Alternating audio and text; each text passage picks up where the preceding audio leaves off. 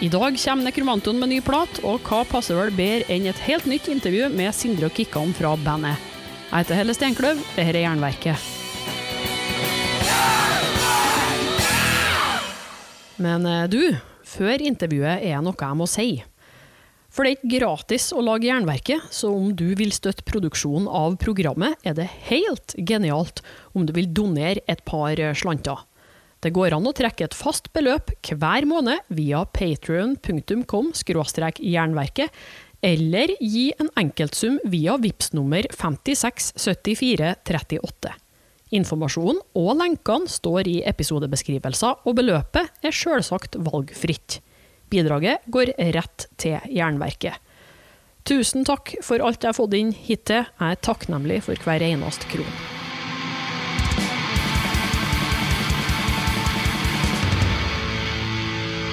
Men eh, nekromantoen i form av eh, Sindre og Kikkan, god dagen. God dag. Hei, hei. Mangler én mann i dag. Ja. Det er bare lov med mm, to på besøk. Så får ikke Det er sant. Så da ble det ut. Ut med Arild. Ja. Sånn at du fikk plass til meg og egoet mitt? ja. Takk. Og helle digitalt. Ah, ja, sånn. Ja. Det er så strenge reglene har blitt nå. Altså. Ja. Man kan bare ha to besøk, og det inkluderer dem man snakker med på telefonen eller ja. PC. Nei da. Arild som, hvis man har fulgt Obli eller Nekro litt mer enn tre minutter, har sett at han ikke gjør intervjuer. sånn er det. Ja, de som, de som så det forrige Nekromanton-intervjuet Jernverket gjorde vel i 2013, de vil jo legge merke til at Arild sier opptil flere ord. Så de, eh, hvis de kun sant, har det. hørt det, Mm. så kan det hende at de blir veldig overraska over at han ikke er her. Men Mm. resten av oss Men vi kan jo ta en kjapp gjennomkjøring på eh, hvem dere karene er i bandet, og hva dere gjør, og hvor når det starta. Vi har jo snakka om det før, men greit å ta en liten eh, revy av det. Ok. Jeg heter Kikkan. Jeg spiller trommer og skriver mesteparten av tekstene. Jeg heter Sindre og spiller bass og synger litt. Og mm, klager på tekstene. Redigerer litt der jeg vil. Og så har vi Arild som synger og spiller gitar og mikser og tar opp. Og gjør alt det andre. Kjører bil. Det er viktig å ha en sånn person òg. Mm. Som kjører bil, også, mener jeg. Ja. Det er viktig. Men det har begynt å holde på en del år nå, gutta. Det er ikke lenger de unge og lovende. Det må være snart 15 år siden i hvert fall de starta opp nå. Ja. Ja, det var vel eh, omtrent 2005 vi starta. Mm. Jeg måtte faktisk sjekke det på Metal Archives. Når det var sånne katter på Metal Archives, da kunne jeg også sjekke når vi starta. God anledning. Så jeg hadde glemt det. Og ja. Tida flyr når det er gøy, si. ja, den gjør det. Og det er jo Når jeg innledningsvis sa at det er jo åtte år siden vi har gjort et intervju sist. Og jeg bare sjekka litt hva da vi snakka om den gangen. Og jeg vil, før vi begynner med sånne seriøse ting, så vil jeg gjerne sjekke om det er fortsatt de her stikkordene som gjelder. Det er nemlig øvinga i kjelleren til Kikkan, The Running Wild, misfornøyelse og posører. Hva var det siste? Posører. Posører, ja. Hmm. ja. Øvinger i kjelleren min er det i hvert fall slutt med for lenge siden. Mor og far har fått leietakere, og da kunne ikke vi være der lenger. Nei, vi har vært flere øvingslokaler siden den tid. Um, Running Wild husker jeg ikke. Jeg har aldri likt Running Wild. Ja, jeg liker running, Wild, eller første Running Wild, da. Men eh, kan ikke huske at det har vært en sånn så stor del av livet mitt at det er Nei, noe det- å snakke om, egentlig. I nekromantion-sammenheng så kan det ikke være mer enn en uh, liten binders. Kanskje Så- det var den ene tingen Arild snakka om, og så Ja, er er han her i dag for å kunne forsvare det. Det er helt sikkert han som likte Running Wild mest av oss, vil jeg tro. Jeg husker at jeg og Arild hadde en plan om å lage en a cappella-versjon av Diabolic Force-låta på første Running Wild-skiva. Men ja, Det er festlåta. ja, det har fortsatt ikke blitt noe av. Nei. må bli på neste skive, da. Et bonusspor. Vi får se. Den som lever, får se. Ja. Hva med misfornøyelsen eh, og eh, Ja, jeg vet ikke helt hvor posørene kommer inn i dette her, men eh, er det fortsatt eh, rådende med misfornøyelse? Misfornøyelse er ekstremt rådende. Ja, den lever som aldri før, tror jeg. Mhm. Det er et godt år for misfornøyelse, og det Ja. var det i fjor òg. Absolutt. Ja, det er kanskje dumt. Så um, misantropien har stått sterkt i nekromatikk, Kanskje sterkere enn noensinne. Jeg vil jo si at det låter mer misantropisk enn noensinne òg. Posørene, de, de has left buildings. De eh, snakker vi ikke noe om lenger. Det er ikke viktig. Man blir eldre. Ja, Posørene er det vel ingen igjen av, for det er jo kun dem som er true som kommer til å stå tilbake etter eh, det her, vet du. Tja, få se, da. Men eh, ja, man eh, blir kanskje flinkere til å fokusere energien på andre ting jo eldre man blir, på godt og vondt. Det er litt deilig òg, da. Slippe å være så sur for unødvendige ting. Kan være sur på nødvendige ting isteden. Det er bare Trond i Djevel som klarer å fortsatt være veldig sur på unødvendige ting i en alder av eh, 40 something. Men han er flink til det, da. Han er veldig flink til det, så jeg ser opp til han for det. Ja, han er, han er spesialisert på det der, det. er. Mm. Absolutt. En helt. Men nå er det jo ganske lenge siden forrige skive. Det er ni år siden Rise, Vulcan Spectre, og jeg vet ikke om det skumleste der er at å, det har gått så lang tid, men det er det at det faktisk har gått så lang tid, og det kjennes ut som det var i går. Ja. Det kjennes ikke nøyaktig sånn ut for oss, vil jeg i hvert fall si. Um, så det er liksom fortsatt en ny skive. hva sa du? Det er meg, da. Jeg syns liksom fortsatt det er en ny skive, men det er jo meg, da. Det, Ja. Det er, det er sikkert bare fordi mesteparten av musikken du hører på, er fra 80-tallet. Så en skive fra 2012 er jo ganske ny i det perspektivet. Det er sant. Og jeg tenker jo også om skiver jeg hører på fra liksom 2011-2012 som nye skiver, nye band. Jeg tror jeg svarte på et intervju nå nylig bare "Oh, What's your favorite new heavy metal bands? Bare, Nei, det er In Solitude, men de har jo lagt opp for allerede fem år siden eller noe sånt.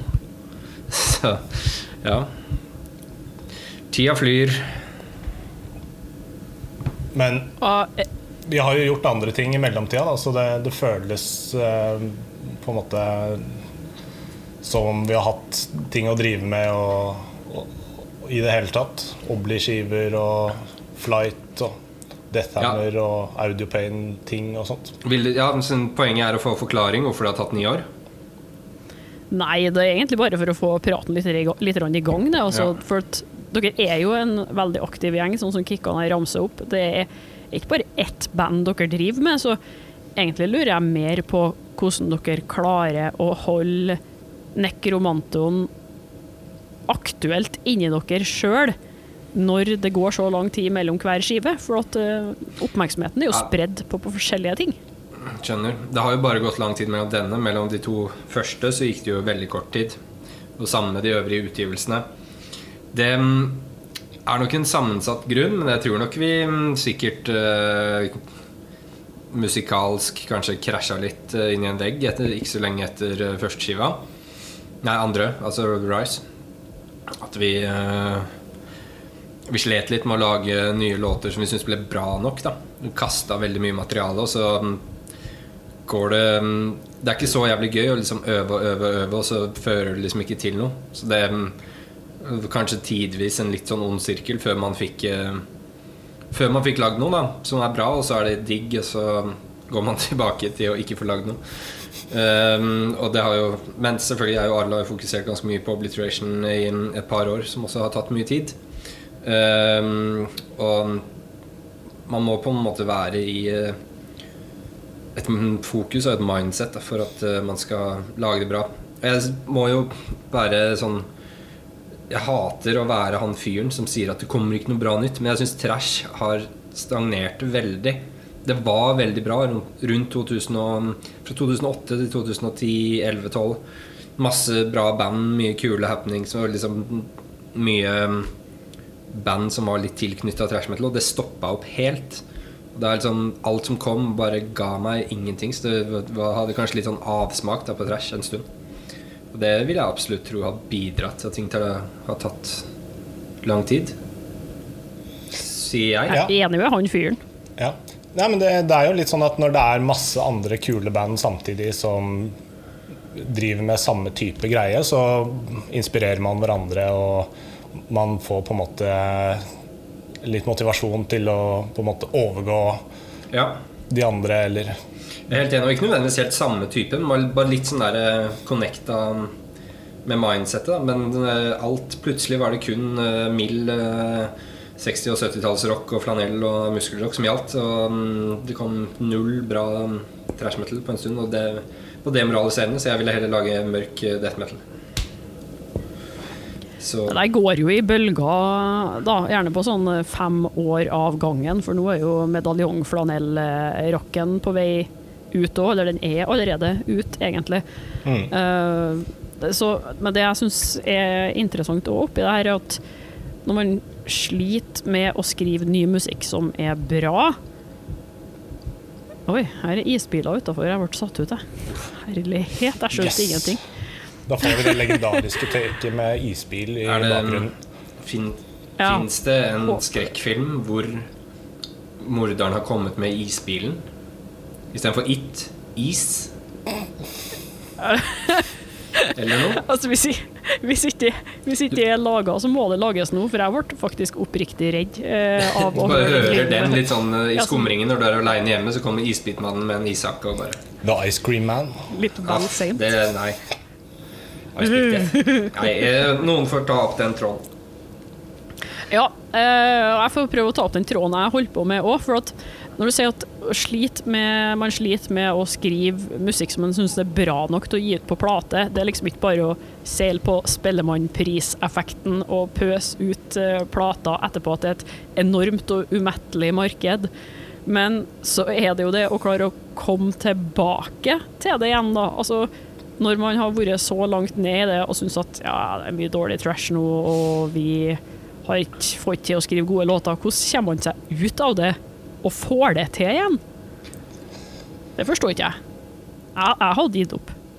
Nei, det er vel bare å fortsette å prøve, å egentlig. Ja, det er feigt å gi opp, og vi har jo ikke lyst til det heller. Vi har jo musikk i oss som vi har lyst til å få ut, men vi må bare sørge for at den blir sånn som vi ser for oss, eller forestiller oss. Ja. Kan jo bare ta lærdom av at um, måten vi har flisespikka på og um, kasta ting og jobbet et halvt år med en overgang, og så endte med at vi ikke har brukt låta engang. Kanskje ikke er the way to go.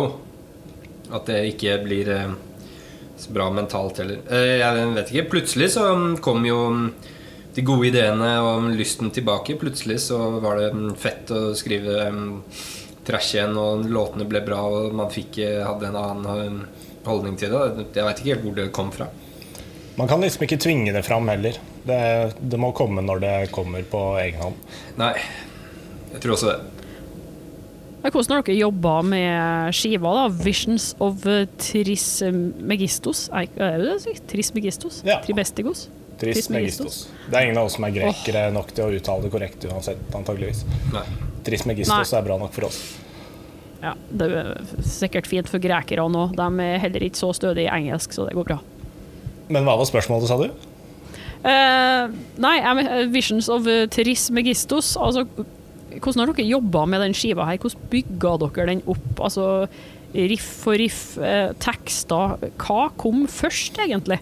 Når de da endelig klarte å begynne å skrive godt igjen?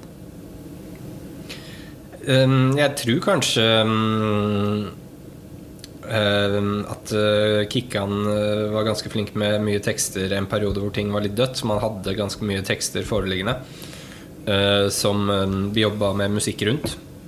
Og det har vært en metode å lage musikk på. Jeg har vært veldig glad i, i obliteration. Og liksom smake litt på stemningen i et vers og sånn. Uh, Istedenfor å være inspirert av en viss Slayer-skive eller et, eller et bulldozer-riff når du skal lage et annet, så er det kult å være inspirert av stemningen i, i en tekst. Eh, Så det var kanskje litt mm, Vi har jobba litt sånn. eh, Men også vi, var, vi fikk jo bare litt, sånn, litt ny vind på jamminga. Og, Og ble kanskje litt uh, Arild fikk litt uh, over seg til å jobbe mer hjemme med litt mer hjem, gjennomarbeida demoer. Og de siste låtene gikk jo ganske fort. Ja.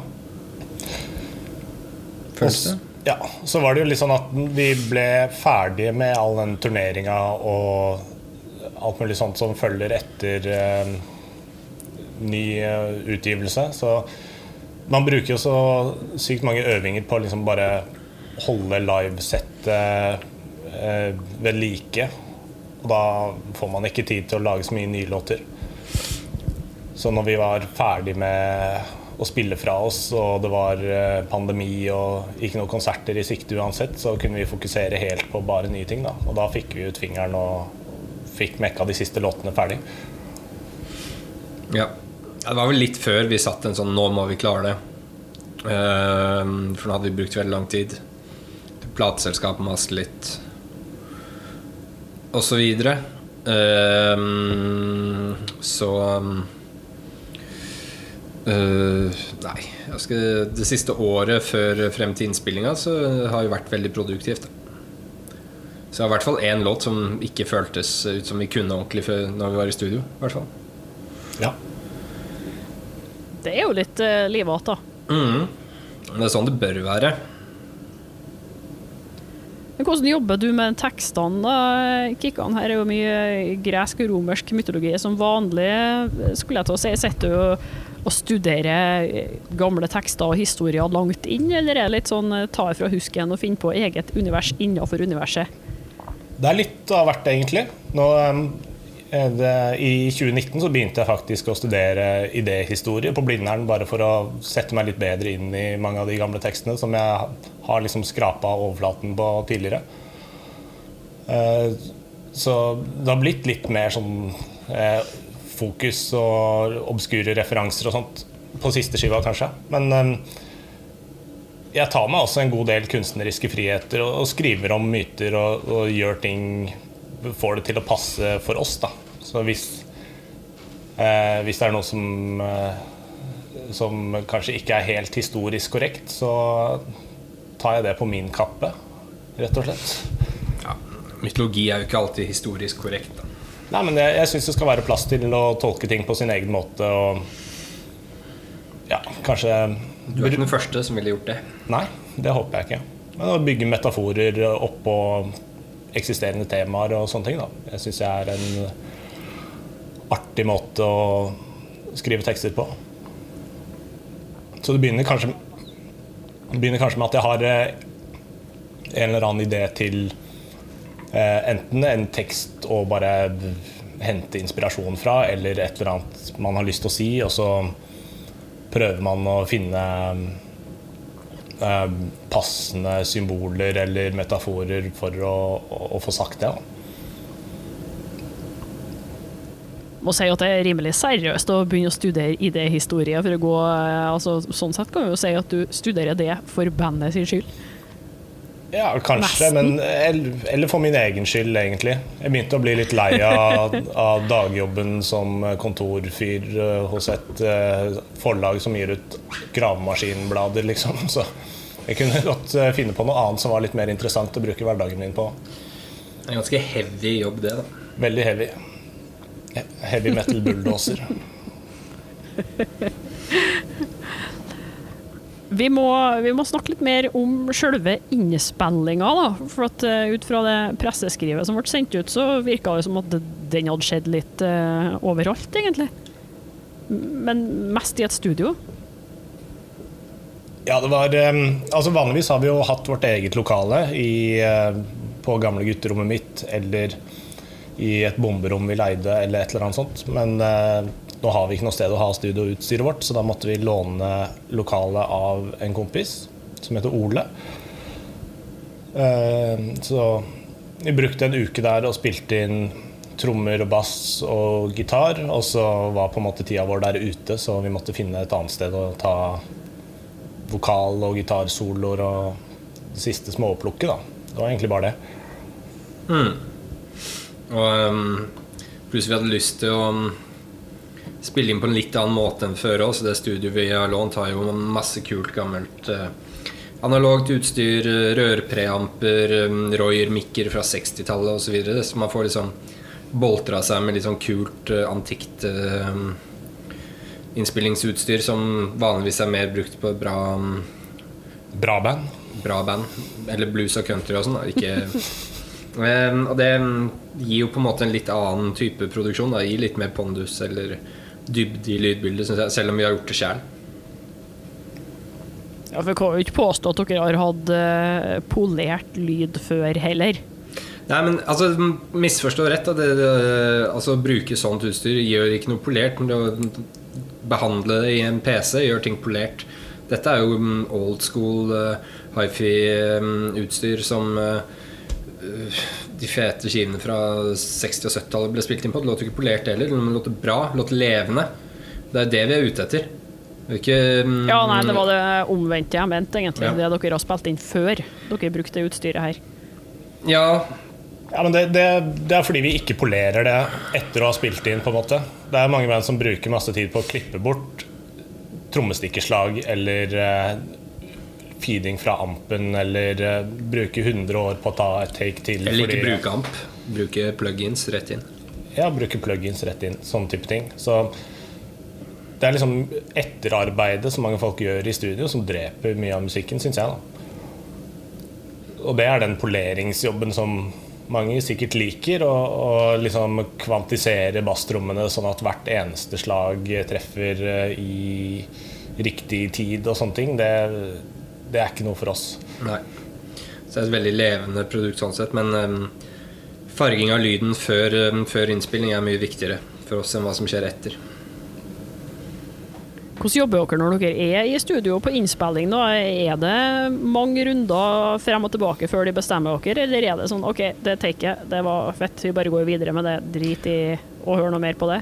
Og prøver å ikke bruke så mange takes. Og sånn Bruker heller mer tid på å få ting til å låte bra før innspilling. Så, det, øh, så man ikke skal slippe å gjøre så mye em, dilldall og fokusere på å ta, et, ta taket som låter øh, ærlig og fett. Men øh, innimellom kan det jo ta litt lengre tid enn man skulle ønske. Men prøv er ikke veldig mange takes på på en låt, liksom. Nei, det er ikke sånn uh, Vet ikke hvor sant det er, ja, men det er jo rykter om at Lars Ulrik brukte 300 timer med trommetakes på en Justice for All. Og det, du brukte vel et år minst på rytmeseksjonen på Black Album. ja, det, det blir liksom ikke noe kulere av det. Det er bedre å bare gjøre det så bra man kan. Og så, hvis man ikke kan det noe bedre, så, så kan man ikke det. Jeg ser jo at Vomitor har jo spilt inn eh, de siste platene sine. Så skriver de at eh, med overdubs så har de brukt liksom åtte timer og ni timer og sånn. Det er jo helt sinnssykt. Det burde jo vært i- idealet for alle. Være like flink som Vomitor. Ja. En vakker dag, Sindre. Ja, for dere har brukt litt mer enn åtte timer. Mm. Ja, vi har brukt litt, har mer, enn, litt mer enn åtte timer. Men det går så jævlig mye med i callen. at, Altså, jeg veit ikke hvor mye trekketid, men vi bruker gjerne mye tid på liksom, å flytte på mikker og Sikringer som går. ja, slå, på, slå på den og bytte et rør. øh, liksom Skru litt EQ og sånn. Det er bare bassen. Det er sånn Ja, nå låter det fett, så spiller vi, for det er ikke så viktig. Det låter, låter bass med først, liksom. Hvor mye gjør det i miksen eh, etterpå, da, når alt er ferdig innspilt? Det er, det er mye pirking, men det er liksom bare å finne riktig balansen mellom alle elementene. Og, og, og passe på at man hører det man skal, og at det låter eh, sånn som Sånn som vi hadde tenkt at det skulle låte, på en måte. Men eh, prøver jo å bruke minst mulig sånn studio magic og, Ja. og krimskrams og pynt. da Det bruker veldig lite sånn. Det er jo mer liksom ja, få en, en grunnmiks, og så har man sendt eh, litt signaler inn i fete um, gamle analoge kompressorer og preamper um, og sånt for å liksom bare finne lyden. Men det er jo ikke noe um, juksing i det hele tatt. Det Det er jo bare gammeldags uh, uh, studioarbeid, liksom. For at uh, alt skal låte så bra som mulig. Det er jo det samme som å, samme som å skru på ampen før du tar opp. Kan du skru på en kompressor i etterkant også. Jeg må jo si det at eh, det er jo fortsatt enkelt å høre at det her er Nekromanteon. Det er ikke som om at når årene har gått, så har dere oppstått som et helt annet band. For det er det jo en del som gjør når de har tatt eh, litt lengre låtskrivingspauser. Ja. Og det syns jeg òg er litt, eh, litt artig og interessant. Jeg vet jo at dere er veldig sånn for å bruke det trendy bandbeskrivende ordet kompromissløs når det gjelder eh, hvordan de skal lage musikken deres. Ja, det har jo mm, Vi har klart vært veldig kompromissløse og liksom alle låter på en eh, en spesiell måte. Og det er jo en av grunnene til at Dette er noe jeg dessverre sier i alle intervjuer, men det er sant. Eh, vi har brukt så jævlig lang tid, som nevnt tidligere, rett og slett fordi at det må være riktig. Eh, det må mm, være helt liksom på knivseggen mellom eh, veldig kjapt og teknisk og på det sloppy og uforutsigbare. Det må være rått, og det må låte ondt. Samtidig, men samtidig må det flyte bra og være mm, kult, liksom. Det, mm, eh, det er på en måte idealet. Og det er derfor vi har brukt så jævlig lang tid for at vi skal komme så nært idealet som mulig. Og det vil jeg jo si er definisjonen av å være kompromissløs.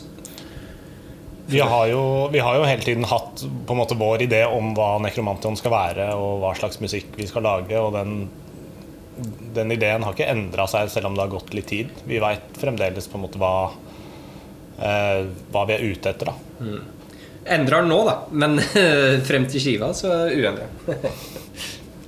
En liten justering kanskje for framtiden. Eh, Justering av hva, det fikk ikke jeg med meg.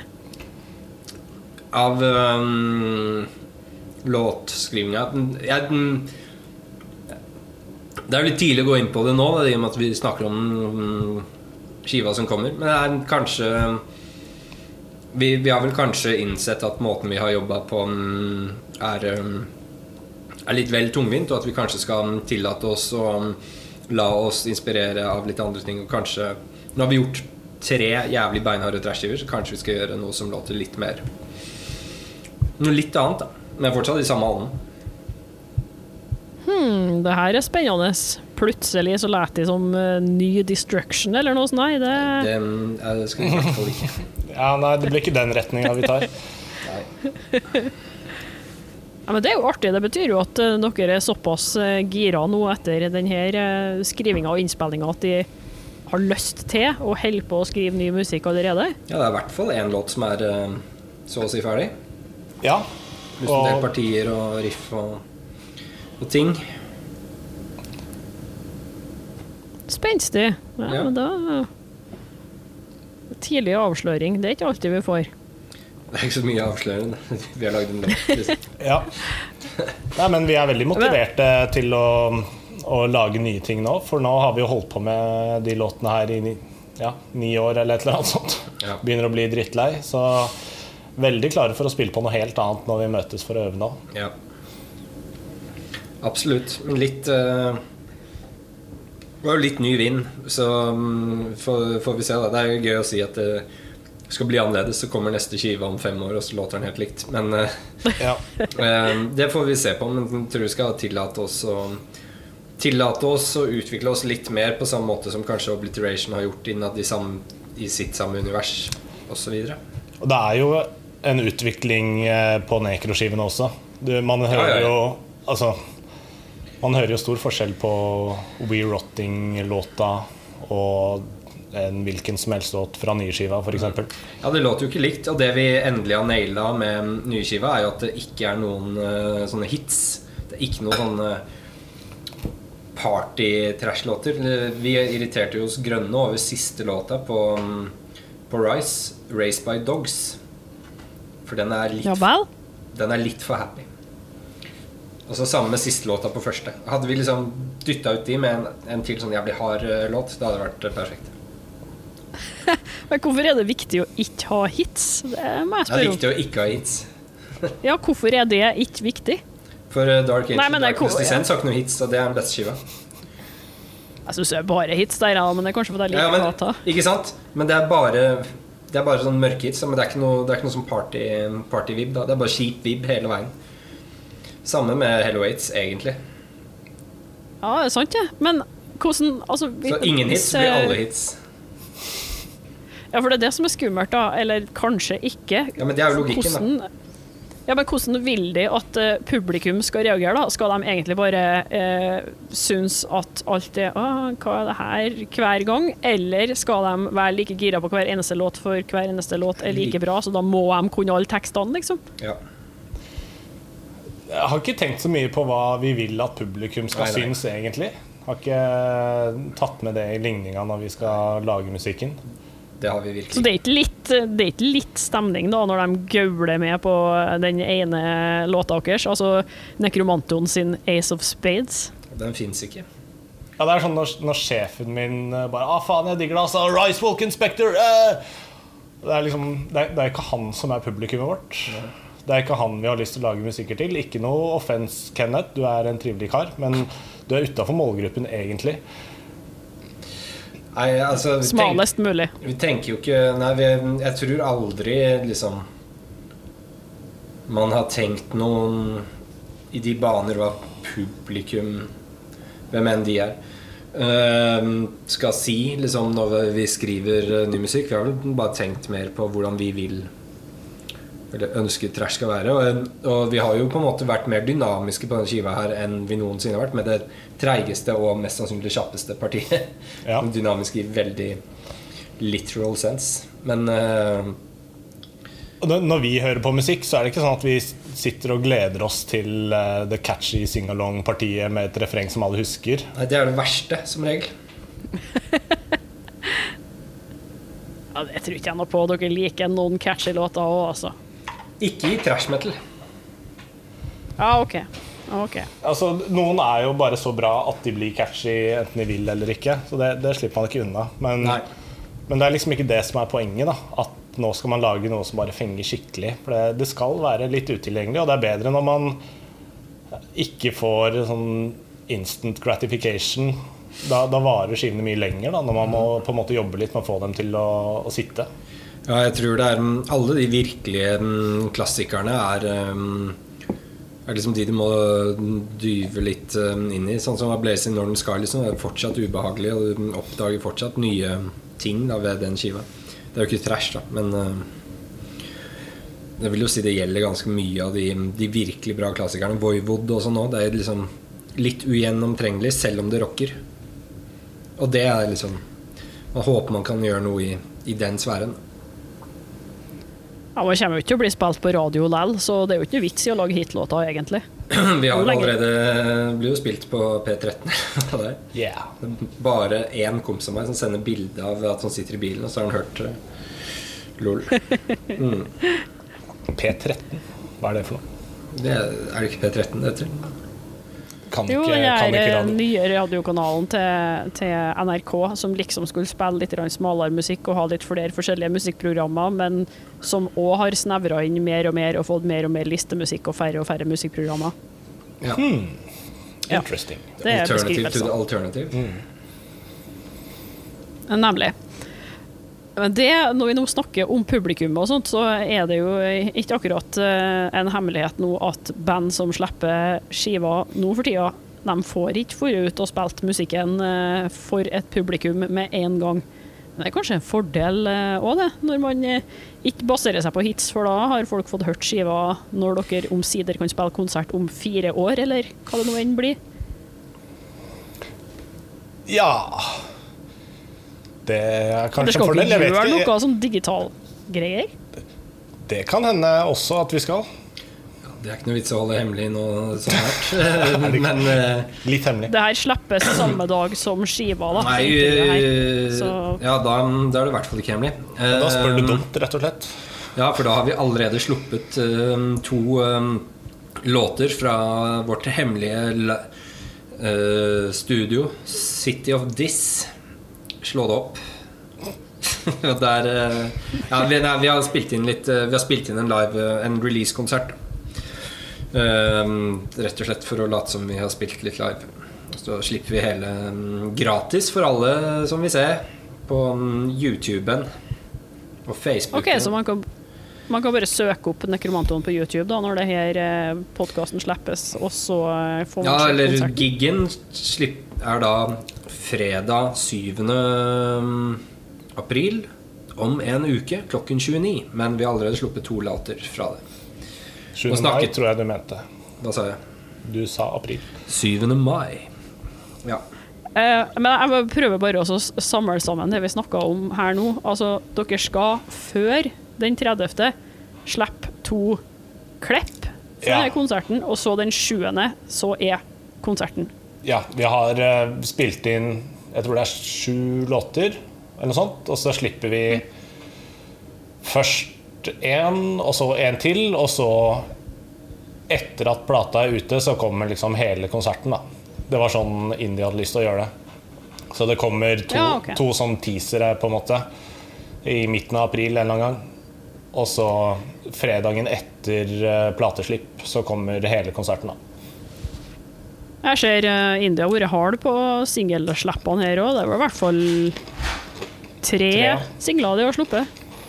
Ja, de ville veldig gjerne slippe en singel og vente en måned, og slippe en singel og vente en måned. Det er sånn veldig mange jobber nå. Ja.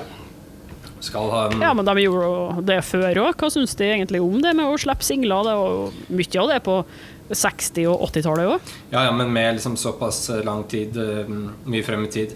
Men jeg hører det fra alle som jobber, også mm, i booking, at det er ikke ting annonsert og ute og klart fire måneder i forveien, så er det, liksom, er det vanskelig å få den oppslutningen om det.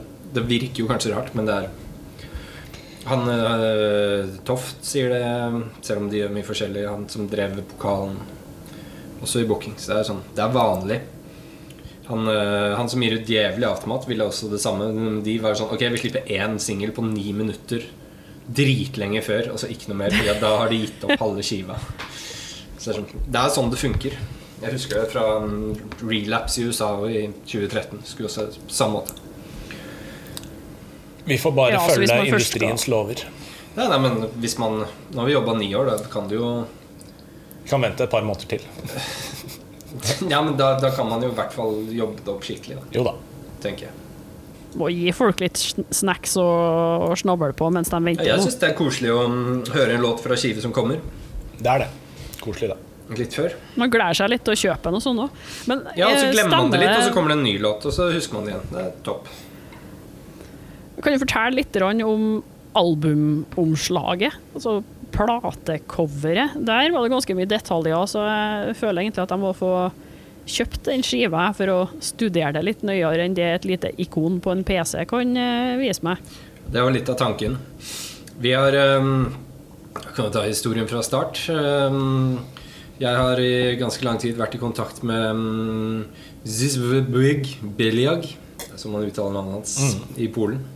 Um, som har gjort uh, kjempemasse kule covere. Møtte han når Obliteration of Degal spilte i Polen i 2013. Og um, han er en utrolig flink uh, type, som har annet lagd liksom hele Ghost-staseriet. og, og sånn, Han har vært veldig gira på å jobbe med oss og har en veldig sånn um, larger than life-aktig stil. Eh, og, vi um, eh, sendte han tekster og litt ideer hva vi ville ha på coveret. At det skulle være litt sånn absurd, men litt sånn klassisk piece. Så har han lagd det vi ser. Og mm, jeg syns det ble jævlig fett. Rart. Det ser litt annerledes ut enn det meste som er på markedet i dag. Og syns det får liksom, sånn vibber til liksom samme sykheten som Raining Blood Cover' osv. For å oppsummere, mye rødt og grått og statueaktige kropper og lemmer og eh, åpne sår. Symboler og blod og antikke skikkelser. Topp, det. Bare å kjøpe skiva, da, med andre ord. Mm. Jeg så òg at det skulle komme en egen versjon av plata som bare kan kjøpes til Katakomben, og det er litt spesielt. Ja, Det er ikke ofte man ser at det er kun ei sjappe som har den eh, special limited uh, silver edition-greia. Nei, Det kom som et forslag et eller annet sted i løpet. Jeg syns det er jævlig fett. Jeg, jeg liker Katakomben uh, veldig godt. Uh, syns Folk har jo av en eller annen grunn sånn hunger for den limiterte trykk og skiver og mm, og versjoner. Jeg vil jo vanligvis bare ha svart vinyl, selv om det er jo litt sånn mindfuck at svart vinyl er også farga. Um, men um, ja, da syns jeg det var veldig kult å gjøre det i samarbeid med, med Katakomben. Som er uh, gjeng med kjernekarer som uh, driver en um, dritbra sjappe på uh, Youngstorget. Mm. Og det blir den mest limiterte varianten av skiva. Med mindre Hells Headbangers gjør en eller annen sånn kjempe kjempelimitert greie òg, men det tror jeg ikke. Blir det mange utgaver der, da? På Hells Headbangers? På den ka ka nei, Ja, det er Katakomben-utgaven? 100 stykk, tror jeg. Pluss at vi skal få fire, så det er færre. 96 96. eksemplarer. Mm. Med mindre de har tatt noen selv. Og jeg tror de hadde solgt veldig mange av de i preorder um, i skrivende stund, som journalister liker å skrive. Eh, så um, hvis du ikke har den, så har du den kanskje ikke. Eh, bra tips. Jeg skal skynde meg å gå inn på katakomben.no nå, og så skal jeg pre-order sjøl, sånn at jeg er en av dem som ødelegger for dem som hører om dette på podkasten først nå, etter slipp. Ja. Men uansett, får ikke de sjansen til å fet ting. Jeg tror de hadde gjort det med noen, noen andre band òg. Og støtt, støtt din lokale platesjappe, Ja. er um, dagens visdomsord.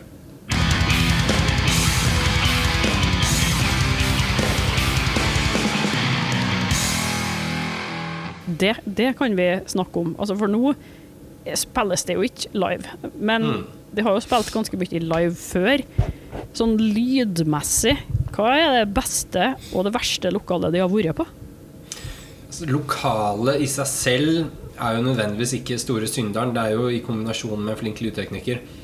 Eller en Ja, jeg, ikke jeg er uenig. Ja, det er fordi du er akustiker. Eh, og en uh, utdanna lydmann vil være uenig. Men jeg syns Føler jeg har opplevd eh, gode konserter i eh, horrible lokaler fordi det har vært noen flinke bak spakene. Eh, mens, og et band som ikke er helt idioter og skal skru dødsmye diskant og drithøyt volum på ampene hvis det, det ikke er liv laga for det. Eh, men selvsagt, det er jo en kombinasjon. Det beste Nå må vi vel kanskje si hvor beste hvor vi har spilt, eller beste man har opplevd selv. Som Gjerne begge deler, egentlig. Ja. Altså sånn opplevd selv Det er jo mye bra, men sånn Jeg vil si at uh, Og så er jo forskjell på kult og bra. Men jeg vil si at eh, den venuen Roadburn er på i Nederland, eh, 013, er ganske i en egen klasse, altså. Um, sinnssykt bra isolert og lagt opp og eh, dødsbra utstyr og det er alltid bare en fryd å være på konsert der. Um, og inn som man har spilt Det er litt vanskelig å si. da Vi hører jo ikke lyden ut når vi står på scenen. Men Nei. Men man får et visst inntrykk. Jeg er jo litt glad i litt sånne gritty små steder som uh, Når det blir gjort riktig, så blir det bra. Jeg, jeg liksom jeg har spilt på verft i Bergen og spilt på Rockefeller og sånn, og det har vært veldig kult. Men man får liksom ikke helt liksom den store lydopplevelsen I hvert fall liksom band som spiller da, der. Får mer ut av å spille på ja, Garasje i Bergen eller um, Revolver i Oslo. Eller også Blå også har jeg hatt ganske bra opplevelser på sånn sett. Så Det er jo litt mer bråkete og og boomy, men får sånn fin feeling. Da. Det Ja, verste er jo når det er for skarpt. Når alt er bare for skarpt og lyden slenger frem og tilbake. Kanskje det verste stedet jeg har vært på i Norge og sett konsert, er Sentralen. Inni det hvelvet. Det ser kjempefint ut Det er bare utrolig episk, og så låter det som en sånn dass fra 40-tallet, liksom. Det blir mye stående bølger inni et sånt rom, ja. Ja. Bare, ja. Og jeg skjønner jo du tar litt av magien bort hvis du gjør det til et sånn ordentlig bra venue, så ser det jo ikke like kult ut. Det diggeste å spille på er jo sånne små scener hvor man hører backline direkte uten altfor mye monitorer og sånt, for da kan vi bare skru lyden sånn som vi vil selv. Istedenfor å ha en eller annen lydmann som ikke forstår hva vi mener når vi sier litt mer gitar, eller et eller annet sånt, og så bare går den helt amok med monitorene. Ja, det er sant. Heldigvis har vi um, vært uh, såpass heldige at vi har jobba mye med um, Bjørn Hinkel på lyd. Uh, og det um, skjønner liksom greia og lager uh, behagelig, men fet lyd for, eh, for oss og publiket. Det um, setter jeg pris på. Last Train er et sånt Jeg tenkte på det. er et eh, lokale som det er fett og liksom intimt å spille på, men hvor jeg har vært og sett ganske forskjellige band, og det har alltid vært veldig bra lyd. Veldig enkelt.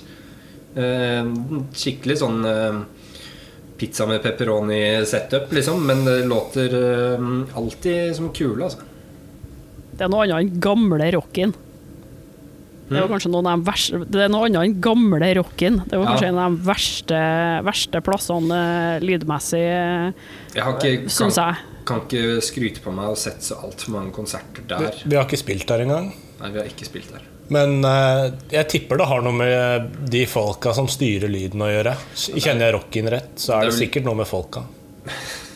Det er, det er som regel eh, Det er jo akustikk og sånn også, selvfølgelig. Og så gamle vi- Er det lagt ned nå? Victoria jazzscene. Eh, Jeg så Altar og Earth der. Om jeg ikke Eller var det Earth? da? Altar, i hvert fall. For lenge siden, med svensk på vokal. Ja, det også er fantastisk. Digg og behagelig Ja, det-. Gjenstår jo å se da, hva som er igjen eh, når eh, alt åpner igjen. Det er jo ikke det at scenene forsvinner i seg sjøl, men om eh, folkene som har holdt på der, orker å fortsette, eller om det kommer noen nye typer og tar over som ikke har peiling, eller om de finner på noe helt annet. Det blir jo spennende, da. Ja. Jeg, jeg er jo litt i mm, utelivsbransjen og hører masse skumle rykter av folk som er tom for penger og i det hele tatt. Han har jo, mm, og det er jo utrolig trist. Så jeg håper jo at eh, at det kommer noen ekstra bevilgninger til eh, kulturbærende institusjoner. Som har tatt verste, verste økonomiske støyten av nedstengning i Norge, men og har fått eh, ikke Jeg syns ikke man har fått kompensasjonen kompensasjon som står etter nedstengingen. Kan ikke fjerne 100% av arbeidsgrunnlaget og gi bitte litt tilbake og si at du bør faen meg være fornøyd. Nei, det er jeg enig i. Og jeg tror nok heller ikke at eh, det vil stå en kø av nye folk som har lyst til å begynne å drive heller, fordi det er begrensa hvor mange som er gira på sånne ting. De fleste som liker det, de gjør det vel allerede. Ja. Så det er ikke sånn at det står 500 stykker eh, der som eh, har nok penger i lomma, lomma til å starte opp en ny, ny klubb. Nei, ja ikke sant? Og det, altså med liksom venues som booker returnerende band og sånt i det hele tatt, det må du ha en fingerspitzgefühl med folk som er flinke, da, som kan Som skjønner markedet litt, men som har smak. Uh, og mm, det er det som er så bra med Blå, da, med Sten Ove Toft. Eh, Han har vid og bred smak og tar, tør å ta sjanser på bookinger, så da kan man se en gig en tirsdag med mm, 29 andre betalende, og så er det helt konge, eller så er det utsolgt en annen dag, liksom. Det, det er, eh, sånn trenger man, det. I hvert fall hvis man vil ha litt sånn kul kultur. Sier nå jeg.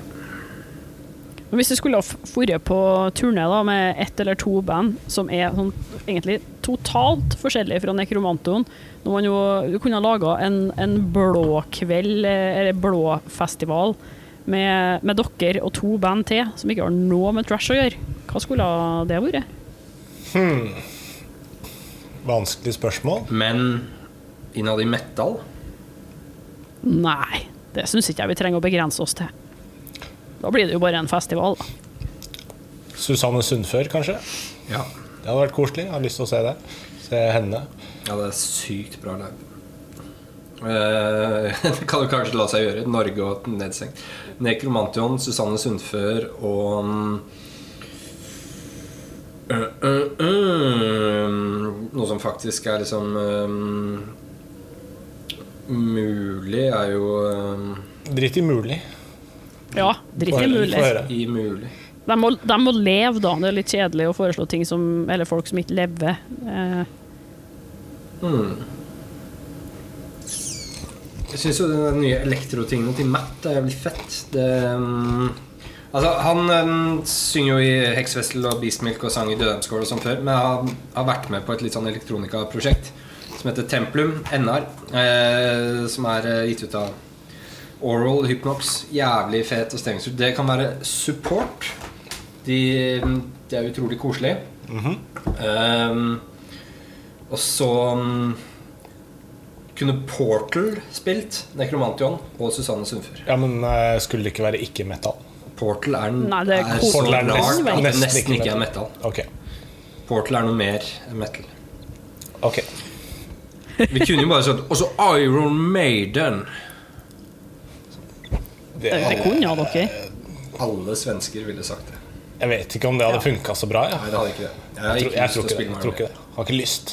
På en, på en klubbkonsert tror jeg hadde vært fett. da Hvis dere kunne ha spilt Hvis vi får tilbud om å spille med Iron Maiden, skal jeg si nei. Uansett hvor liten klubben er. Ja. Nei. Humor. Nei, men Det tror jeg hadde vært sjukt, da. Iron Maiden på revolver.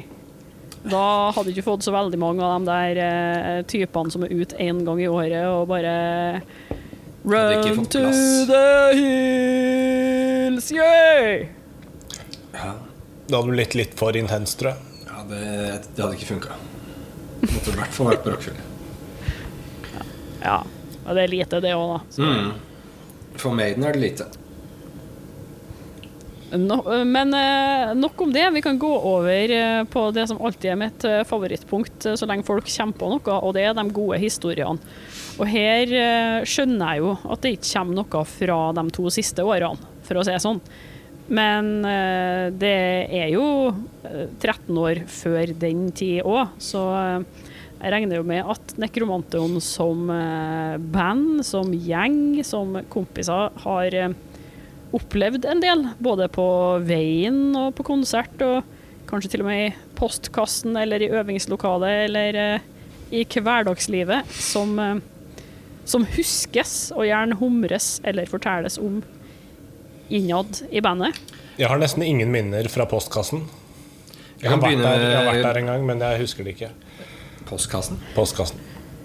Jeg kan begynne med en eh, oppvarmingshistorie som vi humrer litt av, i hvert fall. Men den er jo sånn Det er litt you had to be there. Når eh, Nekromantion spilte på HV-festivalen i 2012 eller 2013 med Snoop Dogg, blant annet eh, Jeg så ikke han, men så crewet hans. De var jævlig fete. Så mm, på kvelden eh, før vi skulle køye, så gikk vi på den eh, kebabsjappa som lå rett ved mm, hotellet til alle, de, mm, alle artistene. Det var jo mm, ganske mm, sånn fyllescenery i byen under HV, åpenbart. Og så sto vi utenfor og spiste kebab. Jeg, jeg og Arild og Olav og Kikkan. Og muligens eh, noen flere. Olav Knutsen, altså live-gitaristen vår. Ja. Eh, og så var det en sånn kjempefull, rar fyr over gata som ralla og um, sa ting, og det var liksom morsomt å følge med på. Og så plutselig så skriker han et eller annet som høres ut som han snakker baklengs. Bare sånn Og Olav han, klar, han mista kebaben og klarte ikke å slutte å le. Han lo i sikkert sånn 22 minutter. Minst, Og sånn ukontrollert. Måtte sette seg ned. Og sånn, kunne ikke få inn et ord. Det er support-historien. Ja, det, det er jo en veldig kjedelig historie hvis man ikke kjenner Olav og Mm. har opplevd hvordan han er når han har latterkrampe. For Ja. han er Han shutter down. Det er, det, det er, eh, det er ikke noe gøy som eh, Nei, kom, ingenting kommer igjennom. Det er bare musklene hans slutter å funke, og han ler og han ler og ler. Det er sånn ufrivillig latter, så, så han griner og Ja. klarer ikke slutte. Og det er veldig morsomt å se på. Men jeg, han, han ler og ler, men jeg tror ikke han egentlig syns det er noe gøy. Fordi Mm. Nei, han ikke klarer å han slutte. vil slutte å le. Men det er særlig den jeg, det, Innimellom så tenker jeg på han fyren som snakka baklengs i Arendal, og Olav som får latterkrampe. Og det er Det blir i godt humør hver gang. Ja, det, det er en fin teaser-historie. Og, og som en apropos til den historien, så er det jo også hun dama som kjørte oss hjem fra konserten og tilbake til hotellet den kvelden, som var ordentlig sånn sørlandskristen og hadde aldri kjørt et metal-band før. Så hun var jævlig redd. Og spurte ja, er, ikke, er ikke dere redde. Dere må bare forestille dere dialekta, for den gidder jeg ikke herme etter selv. Men er, er dere ikke redde? Ja, for hva da? Nei, for, for at han skal komme. Satan. Hun var, hun, hun var liksom oppriktig redd for at Satan skulle dukke opp midt i veibanen og, og presse oss av veien fordi vi satt i en bil med svartkledde folk, rett og slett. Det syns jeg var gøy, da. Det tenker jeg på. Da tror Jeg tror ikke jeg var med i den bilen. Ja, hun var truende. Ordentlig troende. Er dere ikke redde for at Sadan skal komme? Ja, det var omtrent sånn det låt. Ja. Og um, Ja, jeg har, eh, jeg har to småhistorier til. Oi. En til om Olav. Uh, Veldig bra at det her er om Olav, som er live-gitaristen deres. Det er Olav har vært, eh, han har vært vår trofaste gitarist i mange år nå. Siden 2012 sikkert. 2011, tror jeg. 2011 Han var med på en konsert før eh, Rise. På det er vår uh, maskot og kosebamse. ja, og han er tidenes fyr. Men han har litt vondt i nakken, og dessuten så har han sitt eget eh, prosjekt som han prioriterer for tiden, som eh, er mye mer spennende. Så han er ikke med å spille live med oss på Video. videoen vi skal Eller slash har sluppet. Ja. Det er Tommy Ingebrigtsen. Nei, det er ikke det. Tommy. Jacobsen. Tommy Jacobsen er. Ingebrigtsen er en Han er skihoppper eh, og- ja, Og vel så det. Fra Han spilte i metalband, han òg. Ja, Ja. Det er sikkert ikke like bra som eh, Tommy Jacobsen sine metal-band, vil jeg si. Så Tommy er med nå, og det er veldig trivelig. Han har helt lik gitar som Arild, og krøller, så det syns jeg er litt morsomt. Så det Spørsmålet er om han er, har like bra latterkramper som Olav, da. Nei, ikke ennå. Men kanskje vi ikke har vært morsomme nok. Jeg tror det tok Olav litt tid før den latterkrampen kom. Ja, det kommer Altså- ikke av hva som helst. Det må være noe som, eh, Mm. som er verdig en skikkelig latterkrampe. Og mm, eh, bare en sånn liten bi-Olav-historie. Vi mm, spilte to gigs i eh, Frankrike med Aura Noir i sånn type 2012-2013. Um, I the aftermath av, av Rice. Og uh, Aura Noir skulle videre på turné, og vi mm, skulle ikke noe etter Paris, så vi um, uh, hadde bare leid oss uh, noe hotell via um, hotels.com. Og, um, og så stakk jeg til det hotellet for å sjekke inn, men hotels.com sånn hadde da litt sånn ulogisk uh, booking-greie. Så jeg tror, selv om jeg gjorde hele bookingen og var på mitt kredittkort, så tror jeg det ene Det andre rommet sto på um, Kikkan sitt navn. Uh, så jeg henta ut rommet, og, så var det liksom, og hun skrøyt så jævlig i resepsjonen at det var sånn store senger, og nå skal dere få sove godt. Og så kom vi inn, og så er det liksom to bare sånne ja, De er ganske store senger, men så vi skal, Men skal vi dele Uh, altså to i de sengene her? Det blir jo helt jævlig. Og så tenker vi ikke så mye Eller jeg tenkte ikke så mye mer over det. Så jeg dro tilbake til venue, så spilte vi, og så dro vi ut og drakk kanskje en bøtte vodka Red Bull. Um, og dro tilbake og, og sov, da. To i, sammen i de sengene. Så kom vi ned dagen etter, og, uh, og hun dama ble sånn Men dere sjekka jo ikke inn det andre rommet, for det sto i Kikkans navn. Så vi skulle jo egentlig ha de sengene for oss selv. Og Olav bare smilte og sa Men det var jo litt koselig, da. Men det fører til headliner-historien. Jeg håper det, for den var litt, eh, litt tynn, den historien. Ja, der. du kan godt kutte den ut. Nei, nei. Ha den Det- med. Det, det- det, er godt med, søt, godt med tynne, søte Søt. historier. Ja. Men, eh, men det er også litt sånn We had to be there. For jeg husker Kikkan var kjempesur på hun dama, men det var jo jeg som hadde sjekka henne og drita. Jeg husker ikke at jeg var sur på dama, men eh, jeg husker Jeg noe annet som var veldig gøy, som ikke egner seg for Det skal ikke med. Jeg skjønner hva du mener. Er du Eh, sikker på at det ikke egner seg? ja. Eh, det er bare en, eh, en uh, pre-metoo-vits. Um, men Jeg må få høre det, i hvert fall, da, om ikke dere eh, forteller det Ja. på poden. Jeg tror kanskje du må drikke litt først. Men um, headliner-historien er jo vi skulle spille i Tilburg på um, De har på en må- har eller hadde en festival som er en litt sånn gigaversjon av Bylarm, som het Incubate-festivalen. Um, og det um, er på samme venue, eller masse venue rundt om i Tilburg med 013, hvor Roburn også, er på som hovedsete. Um, og der skulle vi um, spille med bl.a. et band som heter Ramesses, som jeg liker veldig godt. Um, og der ble vi henta av en gammel mann i, uh, på flyplassen i um, litt sånn uh, tweedjakke? I Amsterdam. På Schiphol, så vi måtte Schiphol. kjøre noen timer med han. Ja. Og han virka bare som en sånn typisk bestefar. Men husker du det hans eh, ideologi litt bedre enn meg? Ja, for han, spurte, han fant ut at vi var norske. Ja. Og mm, etter litt sånn tørrpreiking, at vi er eh, eh, har kommet til å fly i det hele tatt, så spør han Have you heard about Leif Eriksen? Det var ikke Leif Eriksen, men en sånn typisk norsk navn. Jo, var det ikke Leif Eriksen, da? Er det kanskje Leif Eriksen? For han mente at Leif Eriksen hadde seilt til Nordpolen og forsvunnet inn i et hull der. Eh, Og havna i jordas indre. Hvor han møtte noen kjemper som fant, som fant han og hjalp han inn i jordas indre. Og det er der eh, skal jeg si, ja? ja mm, De smarteste på jorden bor, og Ja, altså det, det var en helt sånn derre eh, fu- Fullstendig alien eh, konspirasjonsteori som Ja. han fulgte, da, med Anunnaki og full pakke.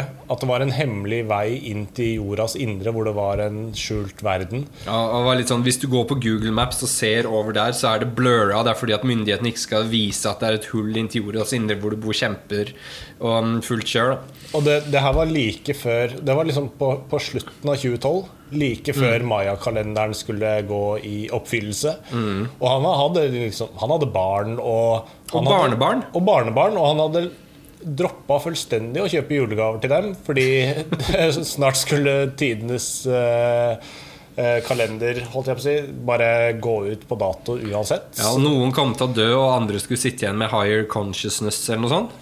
Ja, så det, han slapp å kjøpe julegaver det året, da, for det, det var eh, dommedag, rett Men og slett. det var utrolig mye sånn informasjon, og vi satt der og var trøtte og bare var sånn What the fuck is this? Liksom, det er helt sinnssyk um, To timers forelesning om det.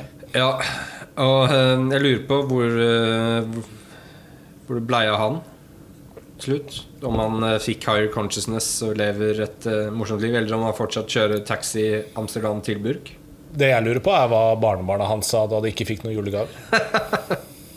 Han måtte nok kjøpe dobbelt opp eh, året etter, eh, tenker jeg jo. Ja. Jeg håper det. Nei da, bestefar tok feil om kalenderen, skjønner du. Ja. Mm, jeg tror det. det. mm, Det var også sikkert litt sånn you had to be there. ja. Men jeg var ganske satt ut. Men nå er jo, det er jo kanskje en litt sånn mild konspirasjonsteori, i motsetning til hva vi har levd gjennom med QAnon og mm, fake news og stjelevalg og mm, alt sånt. Men eh, jeg husker i 2012 så var det mye fra en chart uh, Sindre-sjel. ja. ja, det var plutselig helt far out. da Ja. Nå er det jo fryktelig harmløst. ja. Men jeg trodde du skulle snakke om da Midnight ble nesten arrestert på scenen i Dubai. ja, det burde kanskje vært headliner-historien. Ja, men det kan du fortelle om det òg. Når Daniel eh, Ja, det er en morsom historie. Kikkan kan ta den. Åh. Jo, eh, vi, vi ble invitert til å spille i Dubai fordi han eh, som inviterte oss, ikke hadde lov til å reise til Europa og sånt, så han fikk ikke se de bandene han hadde lyst til å se. Så han eh, til eh, bryllupsdagen hans og konas så, Så inviterte de eh, ja, Necromantion, Deathhammer, Manila Road skulle komme, Ja, men eh, de måtte avlyse. Pagan Altar hva mer var det? Midnight. Midnight Cauldron? Nei. Jeg tror det. Men samme. Det var et par, par band til, i hvert fall. da Eh, Arkham Witch Arkham Witch, i hvert fall. i, i Dubai, da. Kanskje 2013, tror jeg. Um, og, det, og det finnes jo ikke noe metal venue i Dubai, så vi spilte liksom på eh, diskoteket i lobbyen til et sånt Quality Inn-hotell, som bare var Ratski inn. super-tacky og glorete opplegg. Hvor de hadde mm, lyst til å sette trommesettet oppi DJ-båsen. Og bare alt eh, Det føltes feil, da. Men det var jo jævlig kult å ha muligheten til å spille der, så vi eh, takka jo ja og koste oss. Men da Midnight skulle på scenen, På dag to. på dag to eh, Alle som har sett Midnight, vet jo at de pleier å spille med som bøddelhetter på hodet eh, og skjult ansikt. Men eh, det likte ikke myndighetene i Dubai, så de kom stormende inn eh, i eh, manntall, holdt jeg på å si. Ja, politiet var der angivelig fordi noen hadde tagga på jentedassen. Så da kom, var det- var det ikke det som var greia? Så kom politiet, og når de var ferdig å etterforske denne taggen på jentedassen, da så de Midnight spille og bare What the fuck? Ja, jeg vet ikke hvilken rekkefølge det skjedde i, men, Jeg tror men, men det, taggen kom før eh, avlysning av gigen. Det kan godt hende. Men uh... De, de var i hvert fall misfornøyd med både tagging og med det faktum at det var noen menn på scenen som skjulte fjeset sitt. For det er visst bare damer som har lov til å skjule fjeset sitt i Dubai. Så, så Jeg skulle til å si, er ikke det litt ironisk? Jo, det var det vi også trodde, da, men det var visst ikke det. Mm. Det var blodig dønn, eh, dønn seriøst. Mente kunne være sånn te- terroristgreier. Så de måtte ta av seg det og finne noen solbriller og mm, De knøyt jo hestehalen sin foran eh, fjeset istedenfor bak. Mm. Og satt på solbrillene etterpå, så de så ut som It fra Adams Family. Mm. Og, og fullførte konserten, da. Og det, Det var jævlig kult. det er Ja, bra historie. Mm. Jævlig bra fortalt, sikkert, og kjempeunderholdende å høre på. Og en liten bihistorie til den var jo at uh, vår alles Daniel Salsten um, Jeg hørte jo nylig et jernmerkeintervju med, med Defhammer hvor de fortalte at de stakk ting opp i rumpa si og knakna sånn midt på natta i, på den Dubai-turen. Det er jo bare Ja en del av sannheten. Jeg har sett bilder. For uh, vår alles kjære Daniel Salsten eh, drakk jo seg kjempefull og kanskje et eller annet annet også når politiet var der. uh, og sleit med å stå på beina. Så um, uh, jeg og en som het Mike, uh, jobba i hvert fall litt med å få han til å sitte rett opp og ned på en stol. Og jeg tror han ble smuglet ut i en bil. Og Mike var jo vår roadie på den turen. Mm. Eh, og hvis det er noen som husker så langt tilbake som ca. 2013 et eller annet sted, så eh, verserte det en video på YouTube av at Midnight-trommisten var så drita at han falt av trommesettet på en konsert. Et eller annet sted. Og det, det var en sånn farsott som eh, gikk rundt. Og Ja. Mike var the culprit i den saken. Det var han som var ansvarlig for å sørge, eh, skjenke Midnight-trommisen.